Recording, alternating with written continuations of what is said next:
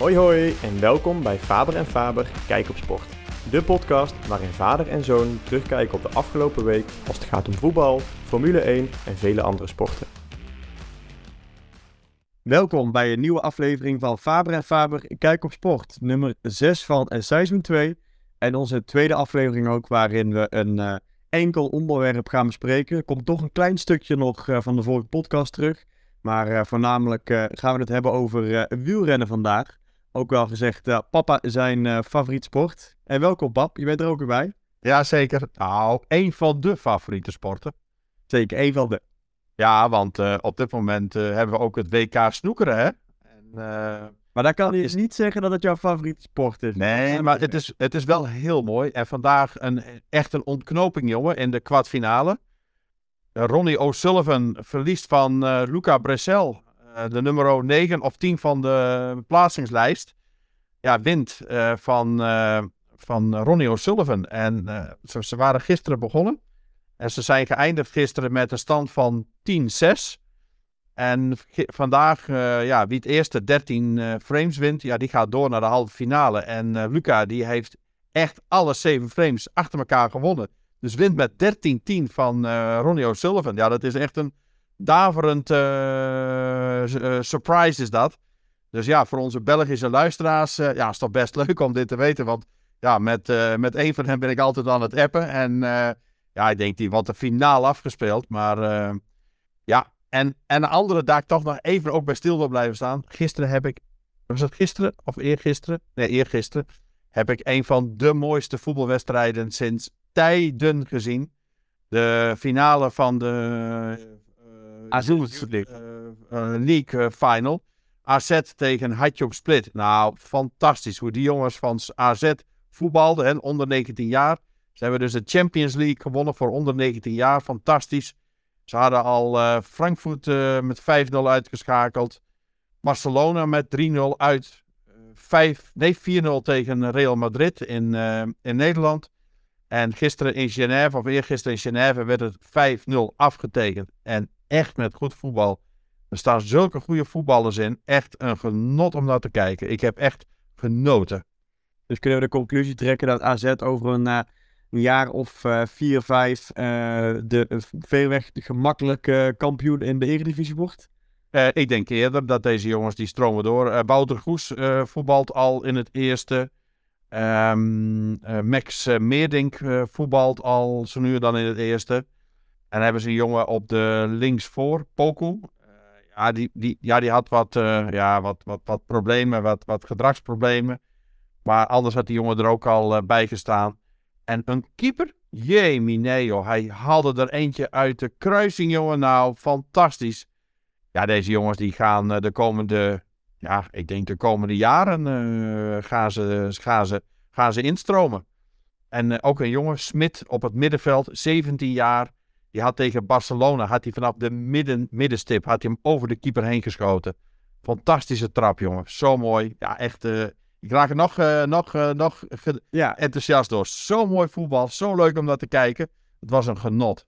Mooi. Nou, helemaal goed. En leuke introductie. Maar inderdaad, zoals ja. jij, we gaan het vandaag over het, over het wielrennen hebben.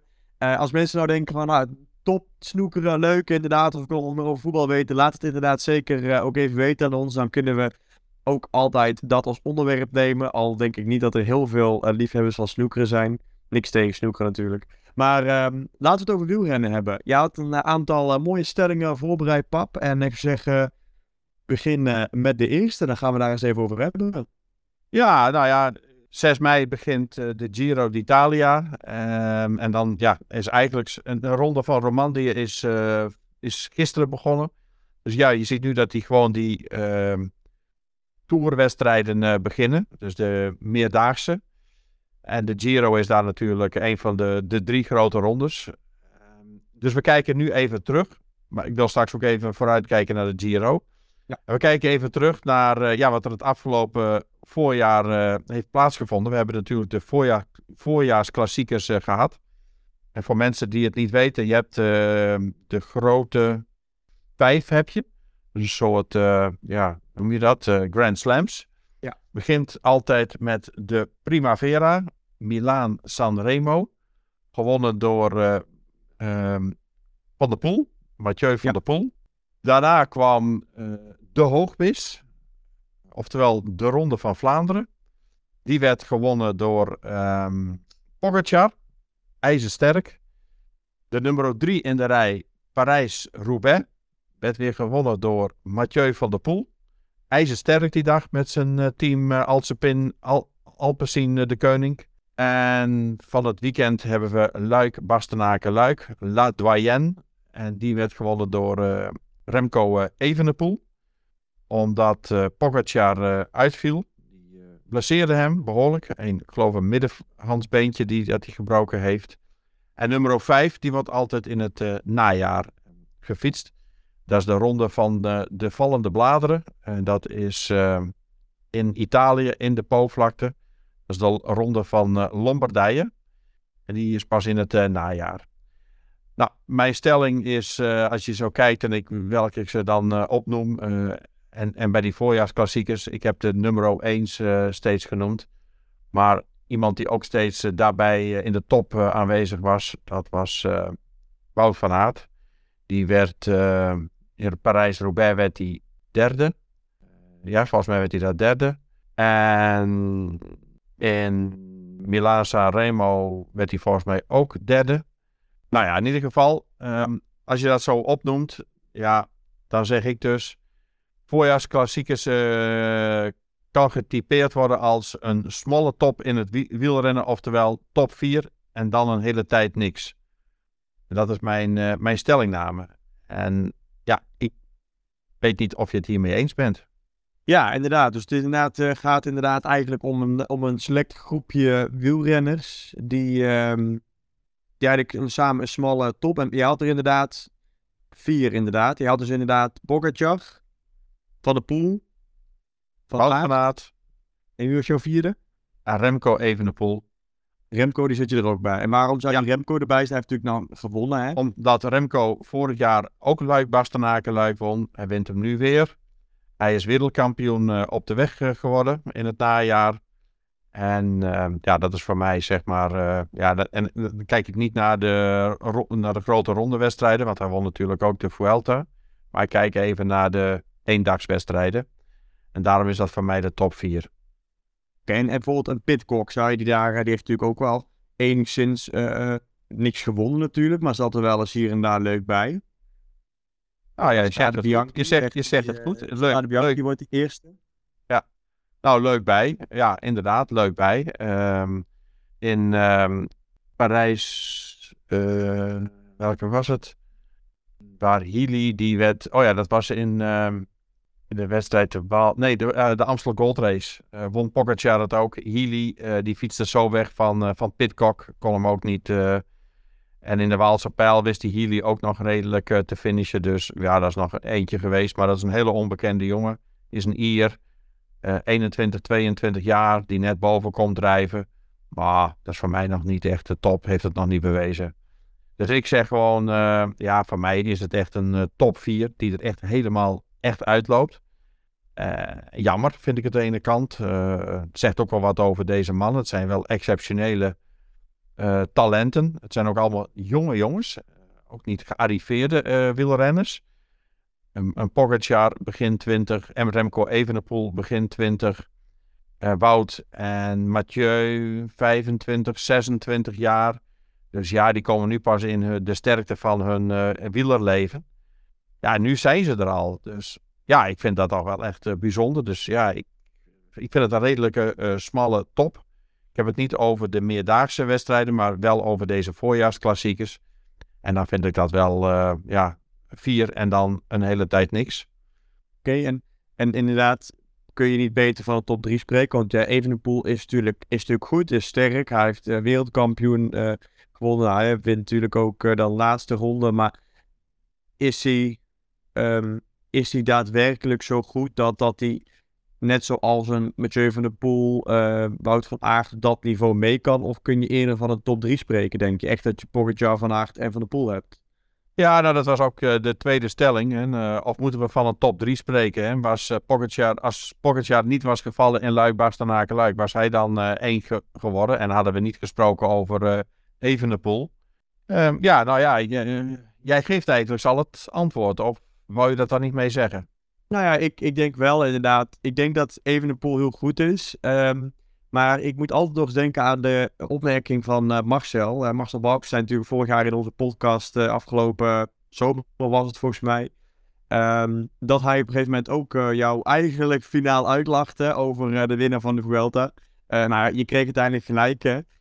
Um, maar Evenepoel, hij is goed, hij is sterk natuurlijk. Maar zeker als we het hebben over die eendagsritten, de klassiekers... Um, denk ik dat.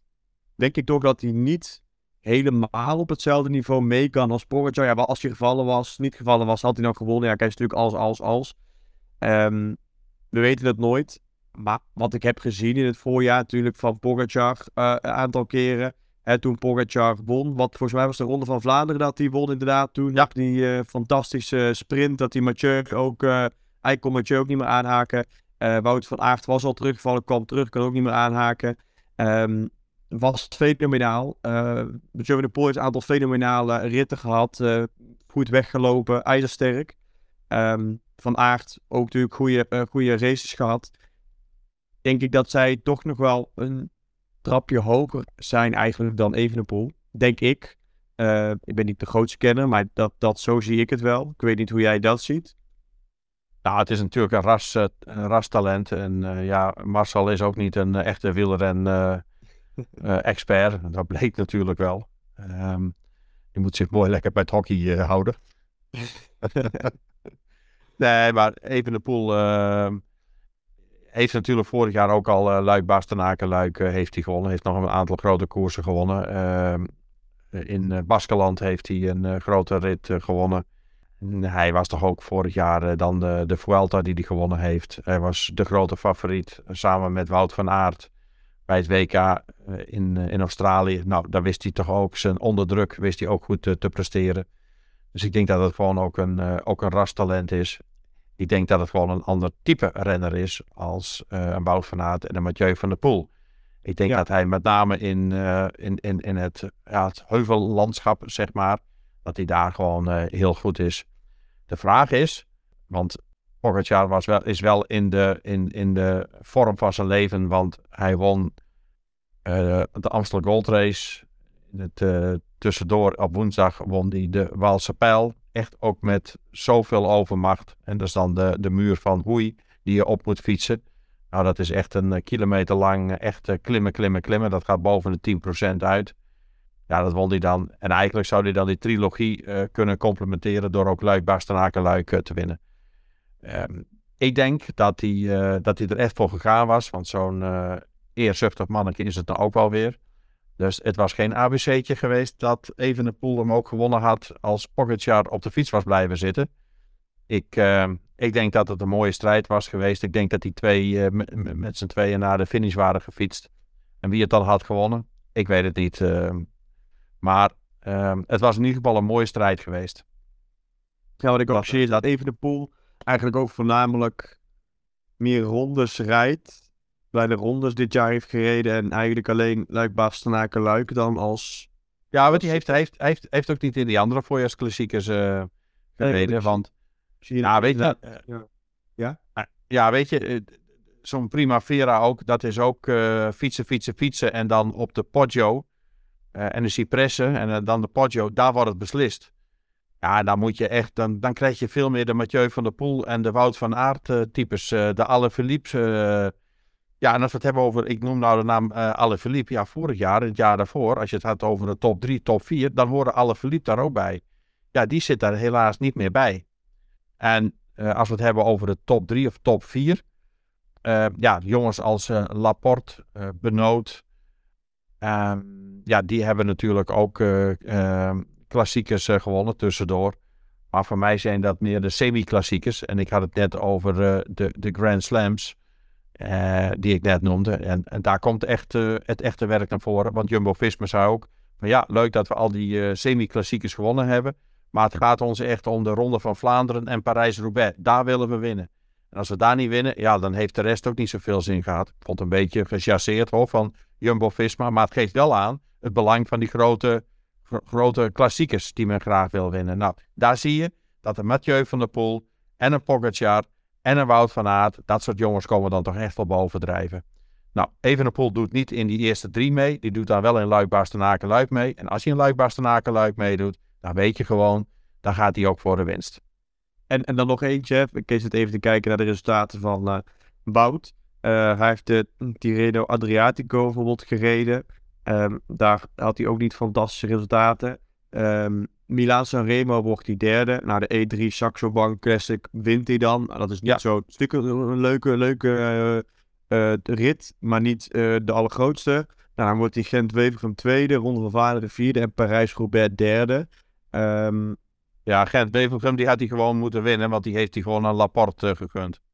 Oké, maar laat ik het zo zeggen. Oké, die had hij misschien moeten winnen, maar hij heeft eigenlijk niks groots gewonnen. Is hij dan moet je dan eigenlijk niet van de top 2 spreken als je het zo bekijkt? Als je het echt over die klassiekers hebt.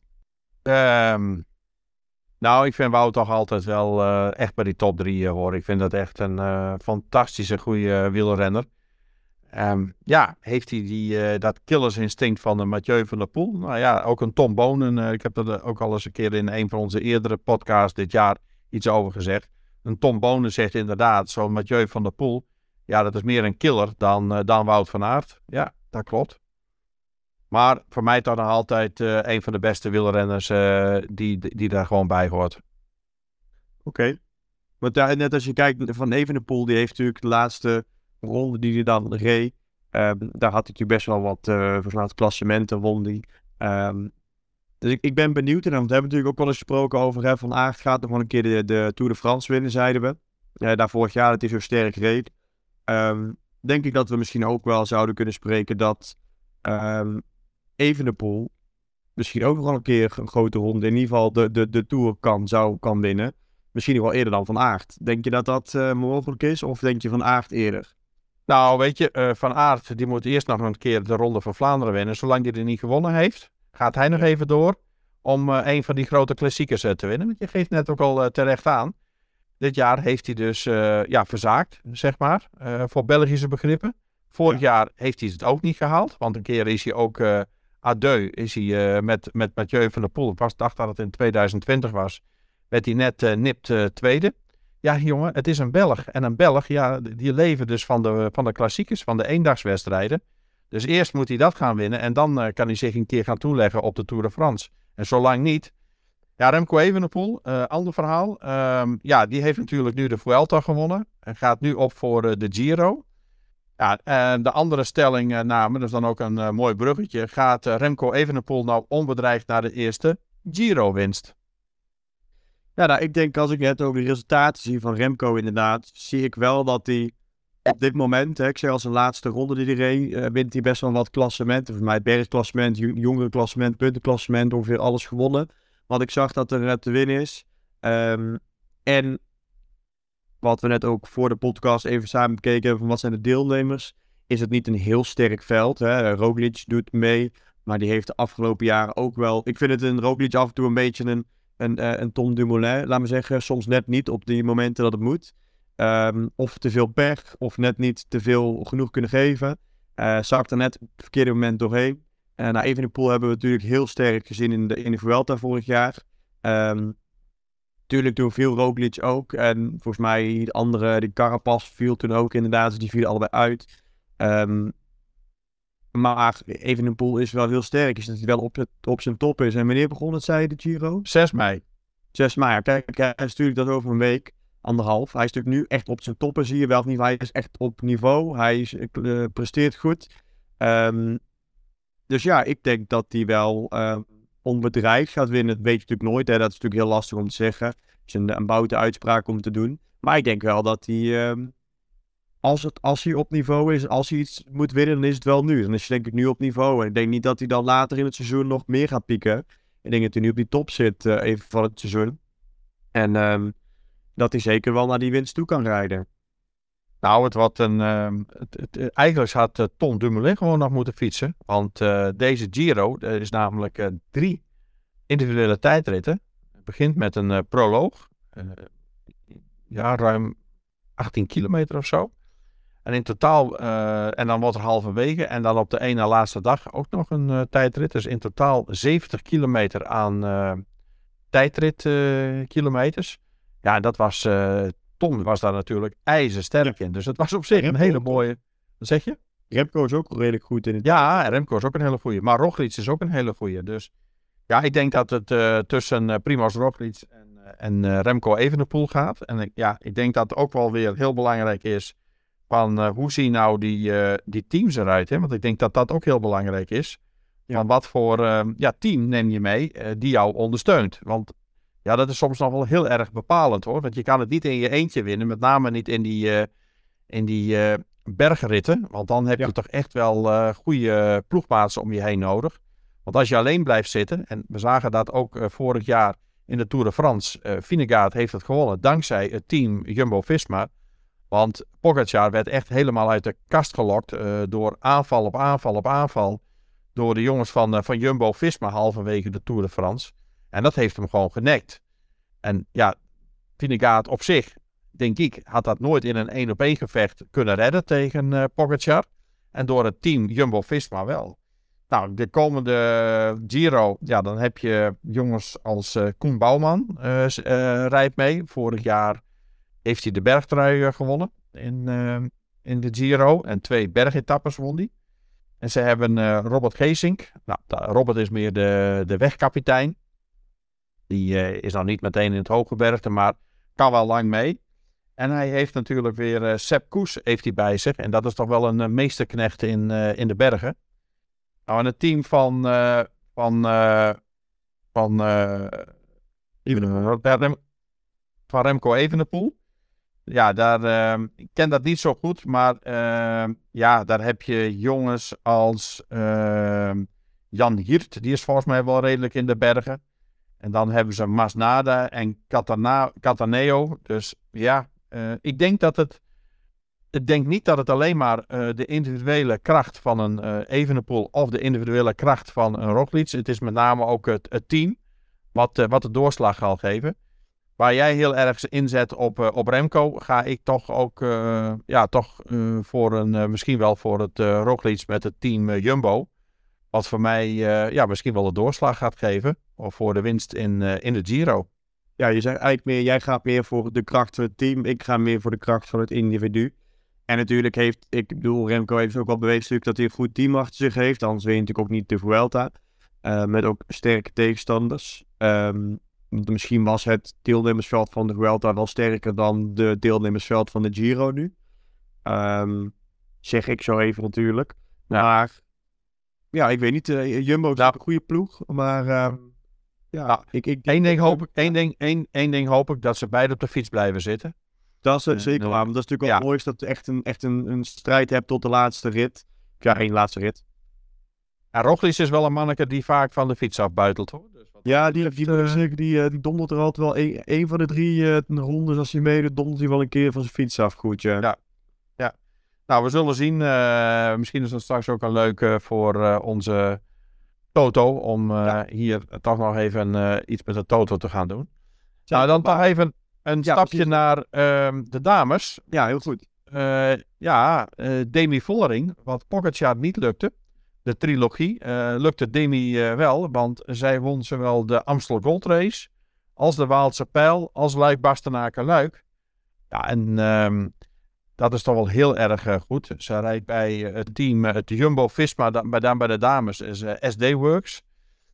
met ja, een hele sterke bezetting. Um, maar de stellingname is, is Demi Vollering nou de opvolger van Anna van der Breggen, Annemiek van Vleuten en Marianne Vos? Ja, het is natuurlijk wel... Um, de verhaal is natuurlijk heel mooi. Hè? Het, het is sowieso fantastisch om te zien dat we in Nederland natuurlijk Marianne Vos hebben gehad jarenlang uh, gedomineerd. Uh, een tijdje eruit geweest. Nou, toch wel weer redelijk uh, sterk. Kan af en toe wel eens een, een, prikje uitdelen. Natuurlijk Annemiek van Vleuten en Anne van der Breggen. Super sterk geweest.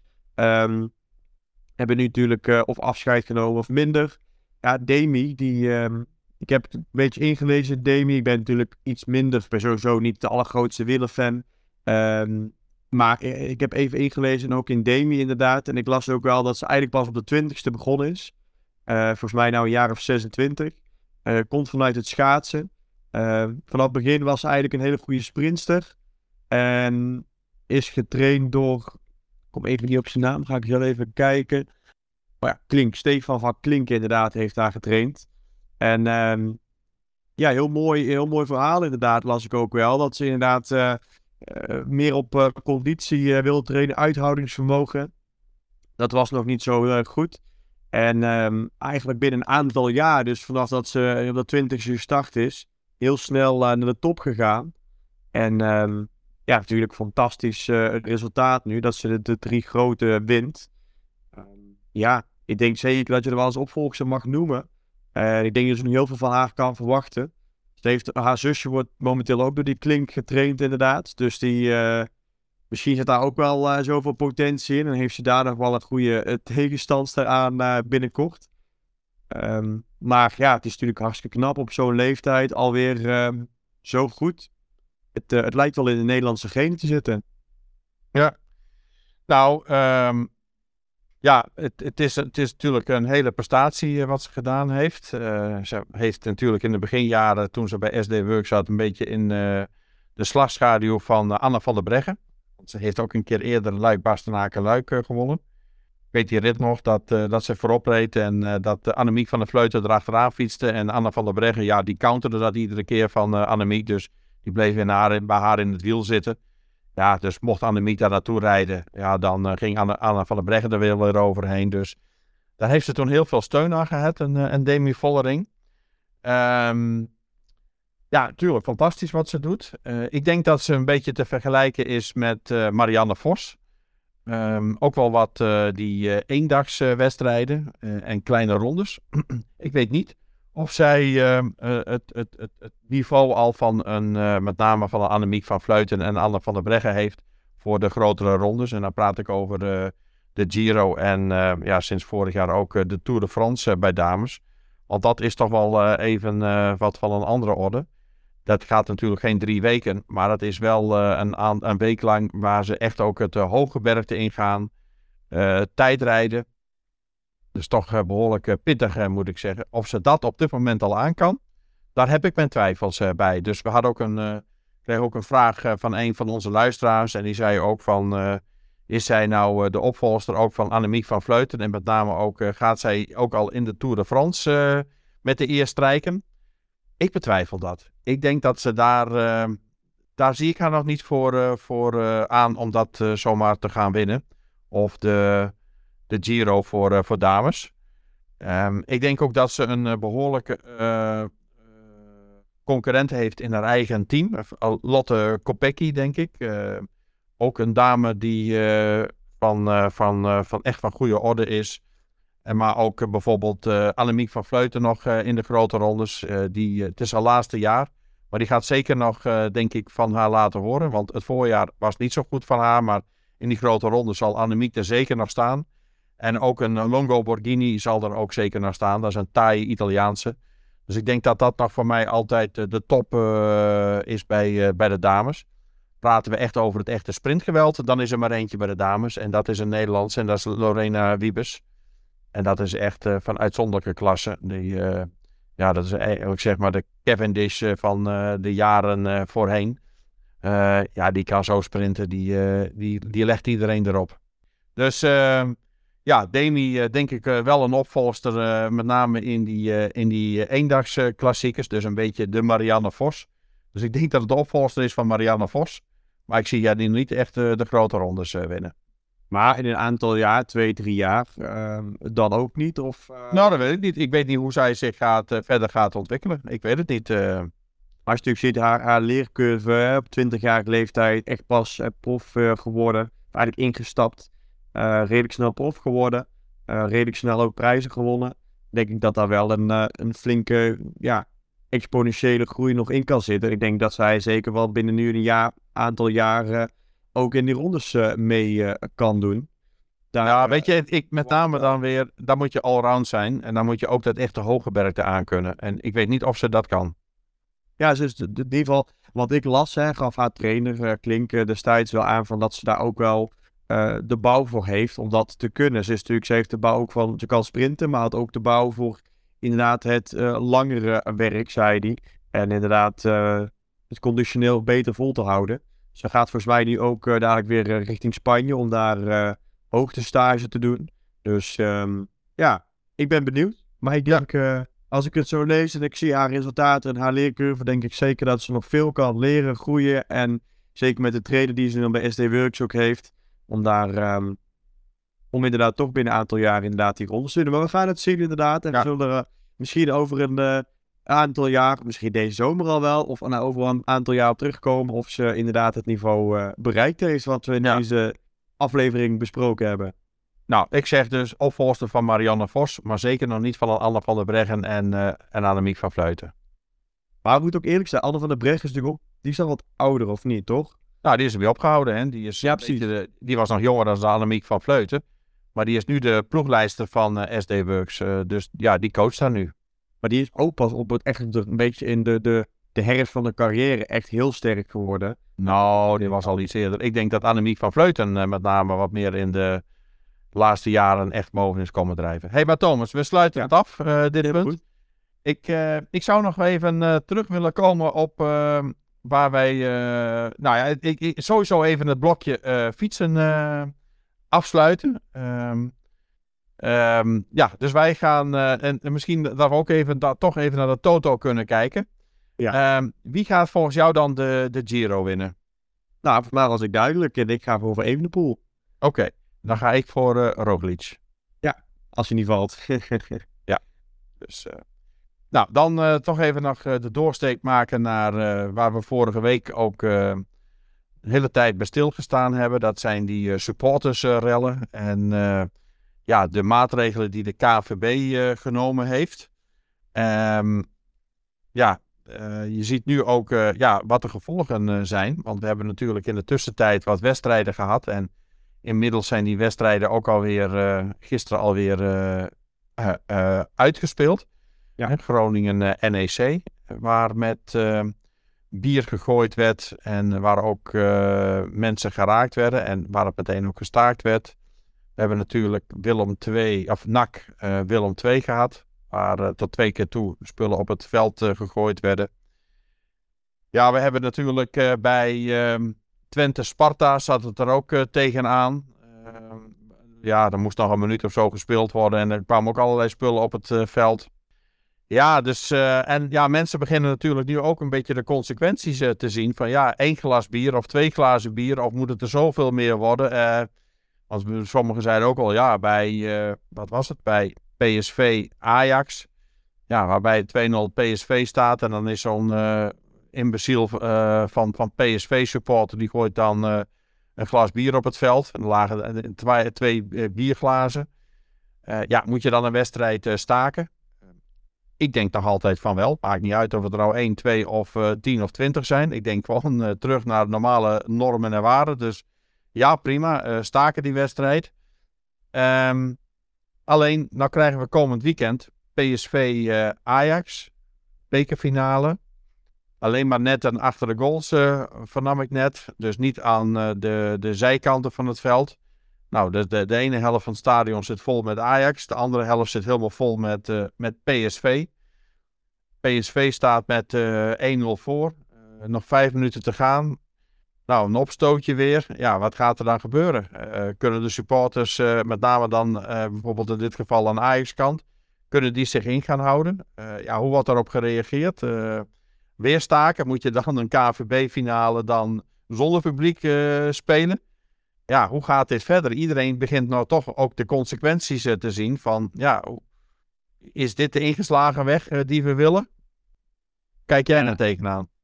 Ik denk, ik denk dat, dat, dat nu, we zitten natuurlijk nog heel vroeg in die nieuwe regels. Um, ik denk dat er een onderscheid gemaakt mag worden. Hè, wat er ook gezegd werd, bijvoorbeeld uh, NAC Willem II. Um, en bij, bij Groningen, NEC, natuurlijk die wedstrijden echt gestaakt zijn. Um, dan is eigenlijk zijn net, hoeveel mensen, 10, 20.000 mensen zijn de dupe van één debiel die zo'n glas, glas gooit. Eigenlijk is het glas natuurlijk, het is een beker. En de helft van de tijd zijn ze ook nog eens leeg, plastic, plastic bekertjes. Um, ja, gaat dat niet te ver. Dat, dat, één, dat een heel stadion de dupe is van één, uh, één gek die inderdaad... En het vraag is gek. Ja, kijk, ik vind het inderdaad debiel als je met, met aanstekers gooit. Als je met, met harde voorwerpen gooit die mensen kunnen verwonden. Wat veel, support, veel voetballers ook zeggen. Een aantal jaar geleden was op een gegeven moment ook het... Uh, um, het, het, het, geval dat toen op een gegeven moment zo'n beker bier op het veld werd gegooid. Zo'n voetballer pakte hem en, en die proost en die dronk hem op. Uh, die maakte er een lolletje van. Um, kijk, bij PSV, Ajax heb ik natuurlijk ook gezien dat er een, een, een, een leeg bekertje het veld opkwam. Uh, die werd in de buurt gegooid van Berghuis. Ja, was hij op zijn hoofd gekomen. Had de jongen dat niet eens gevoeld. Het is natuurlijk plastic. Ik vind dat daar heel goed over nagedacht moet worden. Goed over uh, gesproken moet worden. Um, als het inderdaad van de zotte is, hè, dat inderdaad daar 600 bekers op iemand gaan, of 30, 40 volle bier of wat dan ook. Ander verhaal is als er een bekertje, een leeg bekertje gegooid wordt, ja, waar trek je die lijn? Heel lastig natuurlijk. Maar um, ik vind niet dat ze het zo overdreven moeten gaan doen. Want er zijn al jarenlang, al tientallen jaren, worden de plastic dingen, bekertjes op het veld wel eens gegooid. En dan komt er wel eens één terecht. Uh, het fenomeen uh, vroeger altijd, hè, dan zaten we als kinderen in het stadion, ging je een papieren vliegtuigje vouwen. En dat gooide je dan op het veld. Hoe ver kon het gaan? Daar zit geen enkele um, kwaad in de zin. Maar tegenwoordig kom je er wel voor in de bak onderhand. Want als je dan toevallig een speler raakt en wordt de wedstrijd gestaakt, uh, dat doe je vaak in de vijf minuten van de wedstrijd. Oh ja, een kind heeft er geen bewust van, geen benul van. Gooi per zo'n vliegtuigje, uh, raakt de speler, uh, wedstrijd gestaakt na vijf minuten, wordt een week later al uitgespeeld of een drie dagen later. Geen supporters erbij. Ja, is dat kwaad? Nee. Dus ik vind dat een hele lastige zaak nu. Uh, zoals ik zei, aanstekers op iemand zijn hoofd is een heel ander verhaal dan een papieren vliegtuigje of een plastic bekertje. Um, er is niet altijd kwaad in de zin. Uh, soms ook wel. Um, maar ik vind het, um, ik vind het zo, ja, ik vind dat ze er goed over moeten hebben. En uh, voor nu is het even wat het is. Het, zal, het gaat waarschijnlijk 100% zeker fout. Uh, bij PSV, Ajax of Ajax PSV, bekerfinale, er gaan daar natuurlijk dingen op het veld komen. De wedstrijd gaat vast gestaakt worden. Misschien is helemaal dat hij gestaakt wordt, uitgesteld. We gaan het zien. Um, maar ik denk dat ze daar gewoon goed over moeten gaan praten als KVB zijnde. Van waar uh, trekken we die lijn? En trekken we die al bij een papieren vliegtuig gegooid door een uh, zesjarig jongetje onschuldig op de familietribune van PSV? Of trekken we die bij een lijn waar echt harde voorwerpen op het veld komen die supporters kunnen verwonden? Ja, ik denk dat daar misschien de VAR ook wel goed voor is. Van, joh, wat is het nou? Waar komt het vandaan? Snel handelen. Uh, op die manier misschien. Ik, uh, ik heb geen idee. Maar uh, ik denk, ben wel blij dat ik denk niet degene ben die daarover gaat. Maar ik denk wel dat er goed naar gekeken moet worden. Ja. Nou ja, wat je zegt, het is moeilijk om natuurlijk, waar moet je de grens trekken? En we hebben, het is van alle dag. Nou, ik weet wel dat het pas sinds een paar jaar is dat je echt van die bierdouches hebt.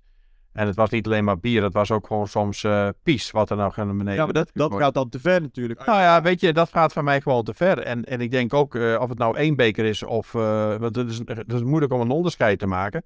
En misschien moet het wel zover zijn dat er tijdens de wedstrijd gewoon geen drank geschonken wordt. Ik denk ook gewoon, je, je gaat dat voetbal voor het voetbal.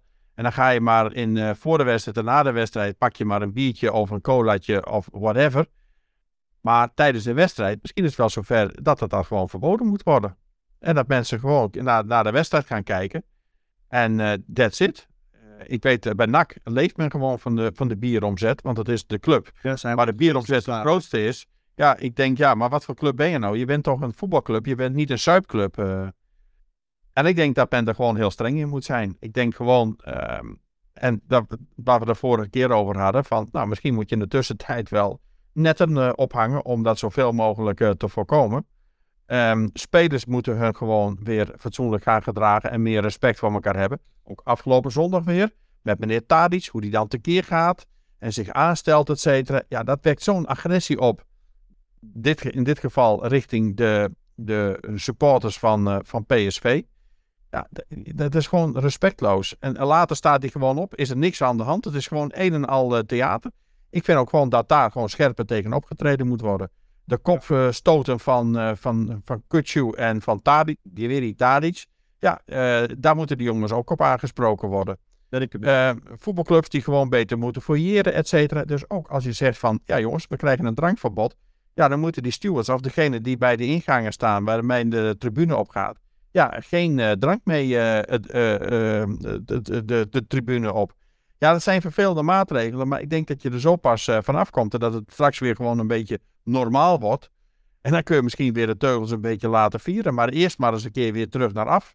Dus ik sta daar wat, wat, wat, wat, wat strenger, wat, wat, wat, ja, misschien wel wat hoekiger sta ik daarin. Maar ik denk, ja, het is ook een kwestie van Misschien op de korte termijn niet fijn, maar op de lange termijn ga je het hiermee eh, wel winnen. Gewoon een stuk duidelijkheid. En laten supporters ook maar het zelfreinigend effect hebben van als ze dat zien gebeuren, dat ze zo'n jongen gewoon in de kladden pakken. En van jongen, uh, we komen hier naar het voetbal te kijken. En niet uh, gefrustreerd dingen naar, op het veld te gooien. Dus, en of het nou een, een, een, een bier is, of het is een aansteker of whatever, het maakt mij niet uit. Het mag gewoon niet. Ja, nee, wat je zegt, misschien een verbod. Hè. In Engeland hebben ze natuurlijk al, volgens mij 5, 36 jaar, hebben ze natuurlijk een verbod van alcohol in het zicht van het veld. Alleen binnen in, het, in de catacombe, als je noemt, mag je alcohol drinken. En echt, als je op de tribune zit, mag er geen alcohol zijn. Um, is een goede. daar, daar komen dit soort dingen natuurlijk ook niet voor dan. Um, hè, dan. Dan denk ik dat je eigenlijk al het grootste punt elimineert waar we het nu over hebben. Hè, dat er is plastic, zijn plastic bekertjes wel of niet te erg? Ehm, dus ik denk dat dat een, misschien een goede optie zou zijn. Lastige optie wat je zegt, korte termijn, maar wel een goede. Um, maar goed, laten we hem daarbij uh, bij afsluiten, denk ik. Dan uh, hebben we daar uh, ons zeggetje over gedaan. Even nog ja. afgesloten met aangesloten op vorige keer. En hebben we nog wat aantal andere toto's. We hadden natuurlijk wat toto's staan van vorige keer. Laten we die eerst even doornemen. Ja, we begonnen met 2-2. en vorige keer kregen we de kwartfinales Champions League hebben we gepakt. Ja. City Bayern. Ik zei Bayern, jij zei City. Nou, die is voor jou. Ja. 3-2. Benfica Inter. Ja, we zeiden beide Benfica. En um, bij die eerste wedstrijd zei ik nog 2-0 en jij zei 2-1. Nou, het werd uiteindelijk 0-1 voor, voor Inter. Dus geen punten. De wedstrijd AC Milan-Napoli. We zeiden beide Napoli gaat door. Nou, ook niet. AC Milan uh, door. Waarbij um, uh, jij zei uh, eh, 2-1 voor AC en ik zei 0-1. En dat werd 1-0 voor AC Milan. Had ik wel die winst van AC goed, hè? Dat had ik wel verwacht. Maar... Ja, dat wel. Maar de uitslag was niet goed. Nee. En tenslotte Real, Real Chelsea. We zeiden beide Real door. Nou, en, en, jij zei 3-1, ik zei 4-1. En volgens mij werd het 2-0. Ja, 2-0 ja. Ook, ook, dat hadden we niet goed. Dus jij had dus City had jij goed. 3-2. En uiteindelijk hadden wij de wedstrijd PSV-Ajax. Waarbij jij zei, nou dat gaat PSV winnen. Ik zei Ajax. Nou, die heb jij ook goed. 4-2. Proficiat Thomas. Een mooie wedstrijd. Of mooie wedstrijd. Het was geen mooie wedstrijd. Maar het was wel een wedstrijd met, vanuit PSV gezien in ieder geval, uh, strijd. En een, uh, een, een vlak en mat uh, Ajax. Dus, uh, nou, 4-2. En goed voor een Toto die we hebben staan voor het einde van het seizoen. Hè? Jou, voor jou de dubbele punten voor plek 4. En voor mij plek 2 of 3. Ja. voor één punt. Dus dat, dat zit er wel goed aan te komen. Met, Nou, ik ga het eens even mis ik, ik had nu moeten zeggen Ajax voor plek 4. ja, inderdaad. Maar hoeveel AZ, AZ staat een puntje of 3 achter, 4 achter? Twee punten. Twee, punten. Ajax heeft 62 en uh, eh, AZ heeft 60. En we hebben komend weekend uh, eh, PSV, of uh, Ajax AZ. Komend weekend? Ja. Nee, komend weekend, het weekend daarna, sorry. Het, het weekend is het weekend de bekerfinale. De beker, ja. ja. En dan ja, Ajax AZ inderdaad. Ja, dan mocht wel een beetje die plek uh, 3-4. Want, want als natuurlijk daar Ajax punten verliest, dan... Um... Maar AZ krijgt ook nog PSV in de laatste speelronde. Dus, uh, die ja, als Ajax daar punten verliest, dan staat PSV natuurlijk nog steeds vijf punten voor. En als mag PSV de laatste wedstrijd verliezen, dan zijn ze nog steeds uh, tweede. Ja, maar dat gaan ze niet doen. Je gaat, je gaat geen wedstrijden laten verliezen. Zo werkt dat niet. Nee, maar het maakt niet uit. Want ik bedoel met te zeggen, ah, dan kun je alles doen, want dan word je toch tweede. Ja, maar die gaan niet met het opzet verliezen om AZ maar derde te laten worden. Nee, dat, nee, dat bedoel ik ook. Ik bedoel, zeggen, als, A, als uh, eh, AZ nog van Ajax wint, dan staan wij gewoon genoeg punten ja. los om in ieder geval tweede te worden. Het is volgens eigen, ja. bedoel ik. Hey, um, nou, dan, heb ik, uh, dan ga ik toch maar even terug naar de Toto. Wie gaat de Giro winnen? Jij Evenepoel, ik Roglic. Ja. Dan heb ik er nog eentje. die gaat van, eh, dus dat is dan de halve finales eh, Champions League. Wie gaat door? City of Real? Real Madrid. Ik zeg City. Ja, dat dacht ik. En, en wie gaat eh, door eh, tussen de broeders AC Milan of Inter Milan? AC. Dan zeg ik Inter. Mooi. Nou, Ik dan heb, ik er, dan heb ik ook nog een vraag. Eh, halve finale Conference League AZ West Ham United. Komt AZ in de finale Conference League? Nee. Nee, oké. Ik zeg eh, ja, zeg ik. Mooi. En wie wordt nou, eh, want dat is dan eentje voor jou. Wie wordt nummer 1 en nummer 2 in de Formule 1 van Baku? Hebben we het dan echt over de race? Sprintrace? Sprintkwalificatierace? Of, eh, Ja, Thomas, er, is- er telt maar één ding toch. En dat is de Zeker. zondag. Zeker, heel goed. Eh, maar, eh, dan gaan we natuurlijk gewoon heel simpel voor Max en Jacko 1 en 2. Oké, ja, die heb ik ook. Dus dit- dan gaan we die niet mee tellen. Pak, wat pakken we dan? Dan pak, pakken we iets anders van, want we hebben natuurlijk vier races dat weekend. Vier momenten van racen. Ehm, heb je nog een andere waarvan je denkt van wie wordt er misschien eerst en tweede in de shootout, nieuwe shootout kwalificatie op zaterdagochtend? Shootout kwalificatie, welke is, welke is dat? Dat is op zaterdagochtend, heet de shootout tegenwoordig. Oh. Dan gaan we namelijk één, je hebt, mag één, jij krijgt één setje medium in volgens mij Q1. En je krijgt één setje soft en één setje soft voor de Q2 en Q3. Eh, verder is hetzelfde qua afval en je hebt iets minder tijd. Volgens mij is het 15, 12 en 8 minuten tijd om eh, je ronde neer te zetten. Maar je hebt dus maar één setje, dus je mag wel zoveel rondes als je kan rijden. Ja. Maar je hebt, krijgt maar één setje om het neer te zetten. Nou ja, Daarin denk ik wel dat we een andere eh, nummer 1 en 2 krijgen. oh ja? Ja, ik, ik denk dat eh, Max daar wel pol pakt. Ja, ik zou net zeggen. Maak ze wat één. Maar de, maar de nummer 2 gaat geen Checo worden. Oké, Ik denk dat daar eh, dan ga ik De- voor de- Leclerc. ga ik voor Hamilton. Oké, ga ik voor Leclerc. Oké, dus één Max en dan ga je voor twee Leclerc. Ik ga voor twee Hamilton. Dus eigenlijk nummer 1 boeit niet. We pakken de nummer 2 in de, in de shootout eh, kwalificatie op zaterdagochtend. Jij Leclerc, ik Hamilton. Oké. Nou, Thomas, dat was hem dan weer. Eh, vandaag dus een rondje eh, wielrennen. Ja. Ehm, weer eens wat anders dan, dan anders. Vaak voetbal of Formule 1, wat de boventoon heeft in onze podcasten. Ja, mocht je als luisteraar in ieder geval, ik wil jullie weer bedanken in ieder geval voor jullie eh, aandacht. Ja. En mocht je nou een eh, andere leuke sport eh, naar voren willen laten komen in een van onze volgende podcasts, ja, laat het ons dan weten bij Faber en Faber. Kijk op sport, gmail.com. Ja, zeker. En dan, ehm, ja, hopelijk hebben jullie weer genoten. Altijd welkom om een review achter te laten. Vijf sterren, Google Podcast, Apple Podcast, eh, waar je ook luistert. Laat een review achter. En dan hoop ik eh, dat je de volgende keer weer eh, luistert. Ja, en wat ik zei, ik nodig je uit voor een sport, maar je mag ook gewoon een thema of whatever je wilt. wat sportbreed is, mag ook. Maakt me niet uit. Alles wij, vinden al, wij vinden alles leuk, Thomas. Zeker, alles is welkom. En dan eh, gaan we hem hierbij eh, weer afsluiten voor deze af- eh, aflevering. Nou, dan zouden we zeggen weer met de bekende doei doei. Doei doei!